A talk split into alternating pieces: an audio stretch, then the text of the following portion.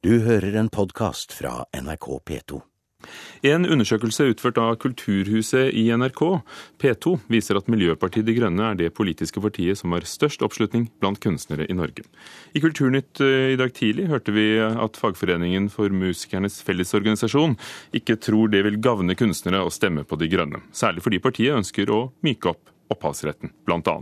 Men først, Harald Nissen, nasjonal talsperson for eh, De Grønne og førstekandidat for Sør-Trøndelag. Hvorfor tror du dere er partiet som har størst oppslutning blant norske kunstnere? Det, jeg tror det er to grunner til det. Det ene er at uh, kunstnere generelt er mer samfunnsbevisst. Og da tenker jeg på alle kunstnere generelt. I hvert fall sånn som jeg kjenner miljøet, så har vært en, en del av miljøet selv, med mange gode venner som bare er musikere og kunstnere. Uh, selv om det nødvendigvis ikke gir så mye utslag i det kunstneriske uttrykket, og så tror jeg faktisk at en del har fått med seg at eh, De Grønne eh, har sittet med makta sammen med de rød-grønne i Trondheim fra, fra 2003 og frem til i dag. Og da har vi vært et av de partiene som virkelig har snakka kunstfeltet og kunstnerne sin sak. Hva tror du dere har gjort i Trondheim som eh, har overbevist kunstnere der? Nei, Vi har sørga for Vi har vært uh, veldig lyttende til hva som er utfordringa for uh, en del billedkunstnere eller gjelder uh, musikere. Eh, på det kommunale planet. For det er selvfølgelig ting vi kan gjøre der som vi ikke, som måte, så lenge vi ikke sitter på Stortinget, ikke kan påvirke. Men eh, vi har hele tida vært opptatt av den kulturelle infrastrukturen. F.eks. at det skal finnes gode øvingslokaler for utøverne. Det skal finnes eh, atelier. Og det skal være gode støtteordninger. F.eks. så har Trondheim den beste utsmykkingsordninga i Norden som gjør at billedkunstnere kan få gode utsmykningsoppdrag som Koro bare kan se langt etter. Og likevel, Hans Ole Rian, forbundsleder i Musikernes Fellesorganisasjon. Du sa i Kulturnytt i P2 i dag tidlig at du er bekymret for eh, at De Grønne ønsker en oppmyking av opphavsretten. og Hva er det du er bekymret for? Du er bekymra for flere punkter og litt sånn eh, søkende på er det egentlig Miljøpartiet De Grønne ønsker. Men hvis vi tar et, eh, et, eh, et punkt som vi er veldig bekymra for, det er det de tar sikte på å redusere opphavsrettens vernetid. Altså Det har med åndsverkloven å gjøre. og Åndsverkloven det er en veldig viktig lov for kunstnere. Den regulerer bruken av kunsten og sikre at den som faktisk skaper og framfører den, får betalt for den jobben de gjør. Og så Gjør man endringer i denne loven, så har det store konsekvenser for en stor gruppe som forsøker å leve av f.eks. å lage musikk eller å lage bilder. Og, og vernetida, da, nå blir det litt teknisk her, men vernetida for et verk det sier noe om hvor lenge kunstneren eier verket sitt. Og kan tjene penger på det. Og kan tjene penger på det. Og hvor lenge etter at det er laga får betalt uh, for at det brukes. Altså, nå har den vernetida for utøvere nettopp blitt endra. Den er blitt økt fra 50 til 70 år. Det betyr at f.eks. Lillebjørn Nilsen han får betalt når tanta til Beata spilles på radioen, og det vil han få i 39 år til. Ja, Altså kanskje arvingene hans? Ja, det er, men når, om 39 år så er Lillebjørn pensjonist. Forhåpentligvis i live ennå. Og da vil de ha inntekten fra tanta. Det vil være et kjærkomment tilskudd til en ellers kanskje litt liten folketrygd. Og så har du da... Men, men, men, eh, la oss stoppe der. Kan du komme med flere eksempler eh, siden, eh, Harald Nissen? Hva er det De Grønne vil gjøre med opphavsrett og åndsverk? Fordi, som vi hørte, det er jo det mange kunstnere lever av. Da, da trenger de mindre støtteordninger? Da. Nei, det, det, vi sier, det er jo at uh, det har alltid vært en utfordring å være utøver, enten for det gjelder musiker eller kunstner. Uh, det vi står overfor i dag, er at vi er inne i en digital revolusjon. Eh, på samme måte som Gutenberg skapt for 500 år siden. Og hva gjør vi da? Eh, og Miljøpartiet De Grønne er opptatt av at eh, da må man snu hver stein og så se på er de ordningene i dag hensiktsmessig i forhold til å sikre kulturarbeiderens rettigheter og innkomster. Det virker jo som dere mener at den på mange måter ikke er hensiktsmessig, siden dere vil snu alle steinene igjen?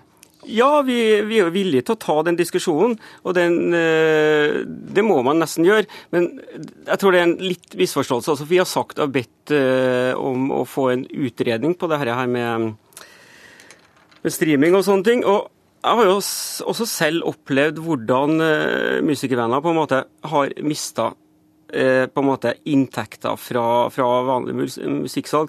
Men det kan man jo ikke ta oss som politikere for. For det, er jo det, sånn, teknologiske eh, på en måte skiftet som har skapt de, eh, de utfordringene.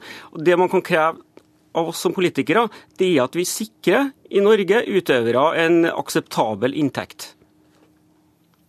Gjør ikke rammeverket i dag det, Hans Ole Rian? Vil ikke, altså Hvis det er sånn at uh, digitale muligheter gjør at noen inntekter forvitrer, er det ikke da kjærkampen med å, å, gå gjennom det på nytt?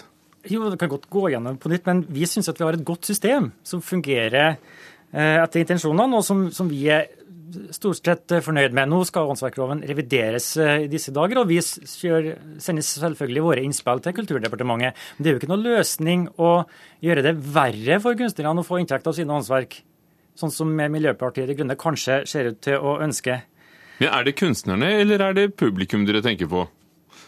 Vi tenker på begge deler. Eh, det er jo også viktig å få med seg at, at det, det, kulturelle markedet det har jo vokst. Både kommersielt og, og, den smale kunsten. Og Vi er jo et parti som sier at, eh, at kulturfeltet må med nødvendighet bli større i fremtiden. I hvert fall hvis du skal få et bærekraftig samfunn hvor de sånn imaginære verdiene skal ha, fylle en større del av, eh, av hverdagen vår. For det forbrukerveksten vi har, den må vi stoppe med. Og hva skal vi fylle det her livsrommet som ikke er arbeid? Og Da ser vi jo også for oss at på en måte det kulturelle feltet vil få mye mer, enda mer å si for de fleste innbyggere i Norge. Men det er jo allerede en stor industri. Og, men, ja. men, rent konkret, tenker dere, dere at en, en, bok etter noen få år da, kan plutselig trykkes opp av hvem som vil det, eller sendes ut som e-bok? Ikke av noen få år, nei. Men vi vet jo, alle sammen vet jo at det der er en ganske tøff diskusjon på det med digitalisering av bøker eh, ja. Ja, Du har bedt om ordet. Ja, Få år ble ja. nevnt her. Eh, de, for, altså, de Grønne foreslår også at eh, det står her at verk som er fullfinansiert av det offentlige, skal bli underlagt åpne lisenser etter høyst fem år. Fem år er jo ikke noe veldig lang tid. Og hva betyr egentlig dette? Hva slags verk er det det er snakk om? mange komponister og forfattere får jo stipend, og da er de jo for så vidt fullfinansiert av det offentlige. Skal da en Gisle Kvernvåg som skriver symfonier, eller en Jon Nesbø, kanskje han grev seg sikkert sjøl, men andre forfattere som er finansiert av, av det offentlige, gå glipp av sine inntekter da, etter høyst fem år? Nei, men du, du, vet jo også utmerket godt at f.eks. En, en fagbok, etter at den har vært i handelen et par år, så er det jo ikke den på en måte Gir ikke den mye inntekter. Men det kommer jo an på. Uh det kan den jo gjøre, og den kan ja, ja, ja. ikke gjøre det. det. Eh, skal det være kriterium? Nei, det selvfølgelig skal det ikke være kriterium. Men jeg, jeg mener jo at eh, at, eh, at musikkorganisasjonene kanskje går litt for langt i å, å på en måte mistenkeliggjøre oss nå. Jeg syns det er veldig greit at man ser oss etter kortene. Men det er én ting som, jeg, som kunstnere og musikere også er, må være like opptatt av som andre samfunnsborgere, og det er en del liberale eh, rettigheter. Og det, det, går på personvern. Det bygger på hele samfunnsstrukturen vår. Og det er jo den som er en del av uh, den diskusjonen her òg, er den ikke det? På hvilken måte? Eh, for, for, for, her er det jo først og fremst snakk om opphavsrett, som i dag er ganske strengt regulert, selv om vi vet at veldig mange ja, ja. deler filer de ikke har lov til å dele. Eh, så er det jo sånn at man kan ta seg betalt i, i 70 år etterpå, da. Ja, og det er jo det som er en av de teknologiske utfordringene, å få systemer som fungerer godt nok, så, så folk faktisk betaler for seg. Eh, det, eh, jeg må stoppe deg der, ja. for tiden vår er i ferd med å renne ut. Men dette høres jo lovende ut, hvis det er sånn at, eh, at, at, De Grønne faktisk vil bringe på bane systemer som gjør at det går an å betale for seg på nettet på en lettere måte enn i dag. Nå finnes det jo systemer på nettet som gjør at det går an å betale for seg. Det er jo andre ting som vi også er bekymra for. Altså, hva mener De Grønne om at 1% av statsbudsjettet skal gå til kultur? Har De Grønne et sånt mål? og ikke ja, minst, vil, vil, De Grønne falle ned på høyre- eller venstresida når regjeringa skal dannes? Altså, Vil de støtte en regjering med Frp, med deres kulturpolitikk, eller har de andre planer? Ja, kort om det. Så får du si resten i våre partiutfordringer om morgenen. Vi har sagt at vi aldri kan støtte en eh, regjering med Frp. Vi har sagt at vi skal øke eh, støtten på kultur til over 1 Så det der står programmet, det er ikke noe problem. Da stopper vi denne diskusjonen her. Takk skal dere ha, Hans Ole Rian fra Musikernes Fellesorganisasjon og Harald Nissen, talsperson for Miljøpartiet De Grønne. Agnes Moxnes, kulturkommentator her i NRK. Tror du det er De grønnes miljøpolitikk eller kulturpolitikk som uh, gjør at de har fått uh, stor oppslutning blant norske kunstnere, Nei, det, ifølge undersøkelsen som ble presentert i dag? Jeg tror ikke det er noe særlig tvil om at det er miljøpolitikken.